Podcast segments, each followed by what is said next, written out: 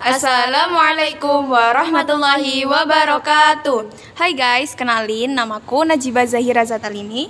Saya Fitri Diwulandari. Kita akan berbincang-bincang nih sama sama teman-teman kita tentang gerakan rakyat Filipina. Sebelum itu kita perkenalan dulu yuk. Halo semua, perkenalkan nama saya Firsta Ratrisia dan saya Putri Nurhaliza dan saya Elisa Septi Ayunda. Kita di sini yang kita bilang sebelumnya kita akan membahas tentang gerakan rakyat Filipina. Oke, sebelum itu kita akan ngomong-ngomong dulu nih kepada semuanya. Gimana nih guys perasaan kalian kemarin pas uh, Indonesia lawan Filipina menang?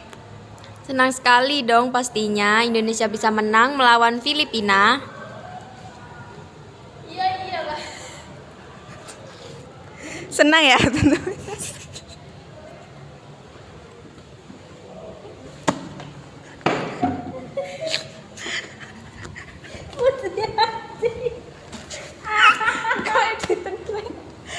Iki wake iki. Oke. Ambune Iya. Angkat mau ya iya. Kait kait ambu. iki ambu sampah gak sih iki? Ambu besi.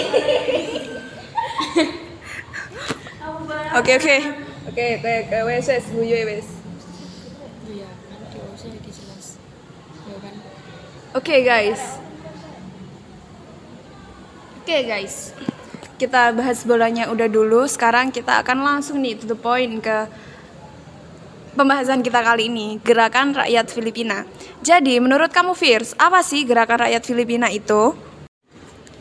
Gerakan rakyat atau People Power Filipina atau kerap disebut Revolusi EDSA adalah peristiwa demonstrasi massal tanpa kekerasan di Filipina yang terjadi pada 1986.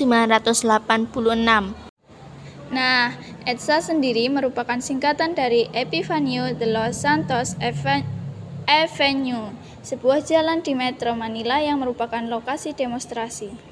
Gitu, oke oke. Oh iya, aku mau tanya lagi, kenapa sih gerakan rakyat Filipina itu disebut juga People Power? Oke, jadi gini, disebut People Power karena disebut People Power melibatkan masa dalam jumlah besar serta dari seluruh lapisan baik rakyat biasa, kelas menengah, tentara, kalangan bisnis, gereja katolik maupun elit politik. Oh gitu, oke lah. Nah, terus apa yang menjadi penyebab lahirnya gerakan People Power di Filipina? Penyebabnya adalah pemerintahan Marcos yang otoriter, kondisi ekonomi yang memburuk, maraknya KKN di pemerintahan, serta pembunuhan terhadap Benigno Simeon Ninoy Aquino Jr. Oke deh, kalau gitu Fitri ada yang mau ditanyakan?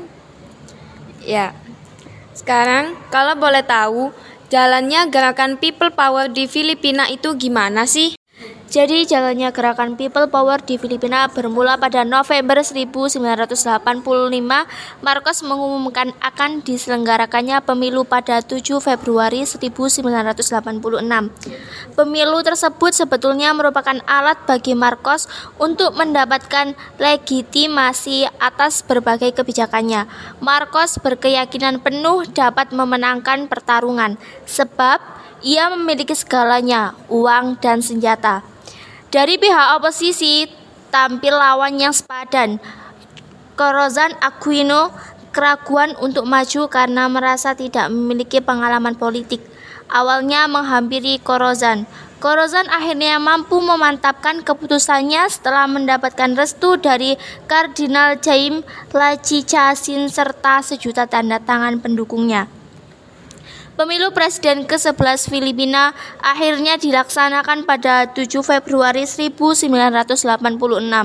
Terjadi intimidasi dan kecurangan termasuk penghilangan hak pilih sebagian warga yang memiliki kecenderungan mendukung Corozan.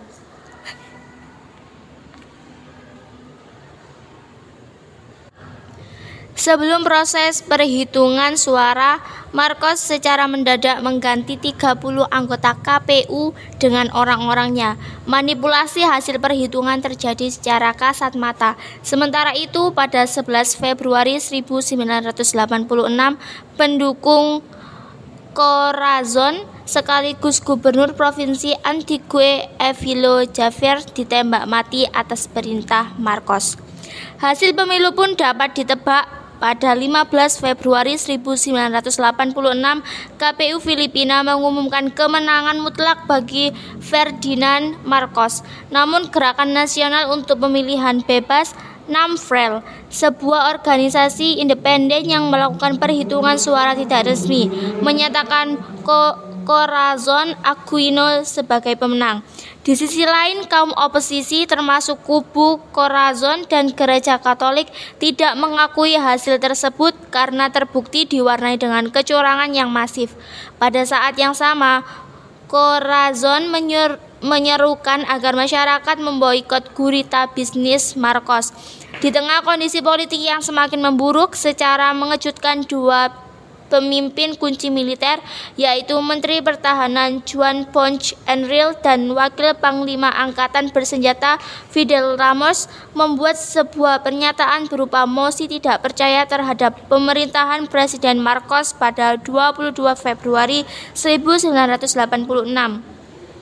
Pernyataan tersebut diumumkan di Camp Aguinaldo dan Camp Krem di Etsa, yang sekaligus dijadikan sebagai pusat perlawanan dan pertahanan dalam menentang pemerintahan Marcos.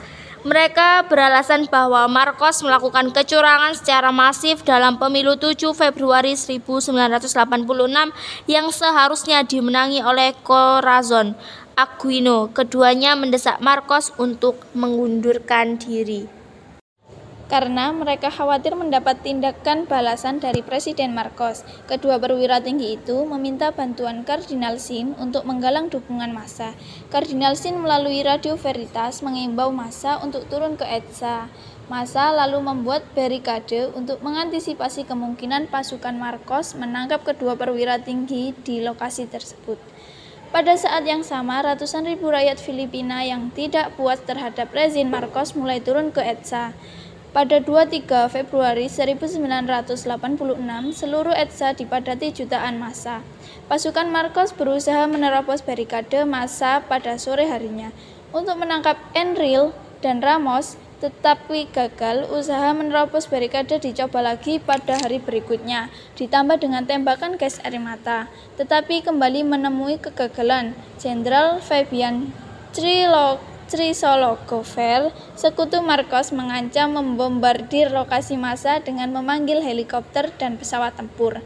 Saat pesawat-pesawat itu terbang di atas lokasi, massa pasrah dengan berlutut dan berdoa.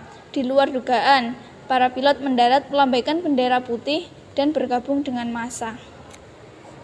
Di, di saat tentara yang masih setia pada Marcos tidak mampu membendung gerakan rakyat pada 25 Februari 1986, Mahkamah Agung Filipina akhirnya melantik Corazon Aquino sebagai presiden Filipina yang baru. Pada 26 Februari 1986, Marcos mengungsi ke pangkalan udara Amerika Serikat di Filipina dan selanjutnya mengasingkan diri ke Honolulu, Hawaii, Amerika Serikat. Era kediktarotan Marcos pun berakhir. Seluruh gerakan rakyat yang mampu mengakhiri kediktatoran Marcos inilah yang kemudian disebut sebagai People Power Revolution. Ternyata panjang banget ya jalannya gerakan People Power di Filipina. Nah, di sebuah peristiwa pasti ada tokoh-tokoh di baliknya. Siapa aja sih tokoh-tokoh penting di balik People Power tersebut? Tokoh-tokohnya ialah satu, Maria Corazon Corismo Wang Aquino yang merupakan presiden ke-11 Filipina. Jenderal Fidel Valdez Ramos. Ia menjabat sebagai anggota DPR Filipina sejak 1949 hingga 1959. Dan yang terakhir adalah James Cardinal Sin yang merupakan perwakilan gereja untuk mendukung people power di Filipina. Wah, Panjang juga ya pembahasan kita kali ini. Gimana, kalian bosen gak? Enggak. Siapa bilang tadi bosan? Oh, anu, maksudnya ini iya asik, banget. Sebentar itu aku excited banget buat dengerin loh. Semua ini seru banget sih. Kapan-kapan lagi lah ya. Oke. Berhubung kita udah bo salah iya. berhubung kita udah capek berhubung kita udah selesai pembahasannya kita ya. tutup kali ini sekian guys dari kita Wassalamualaikum warahmatullahi wabarakatuh. Waalaikumsalam warahmatullahi wabarakatuh.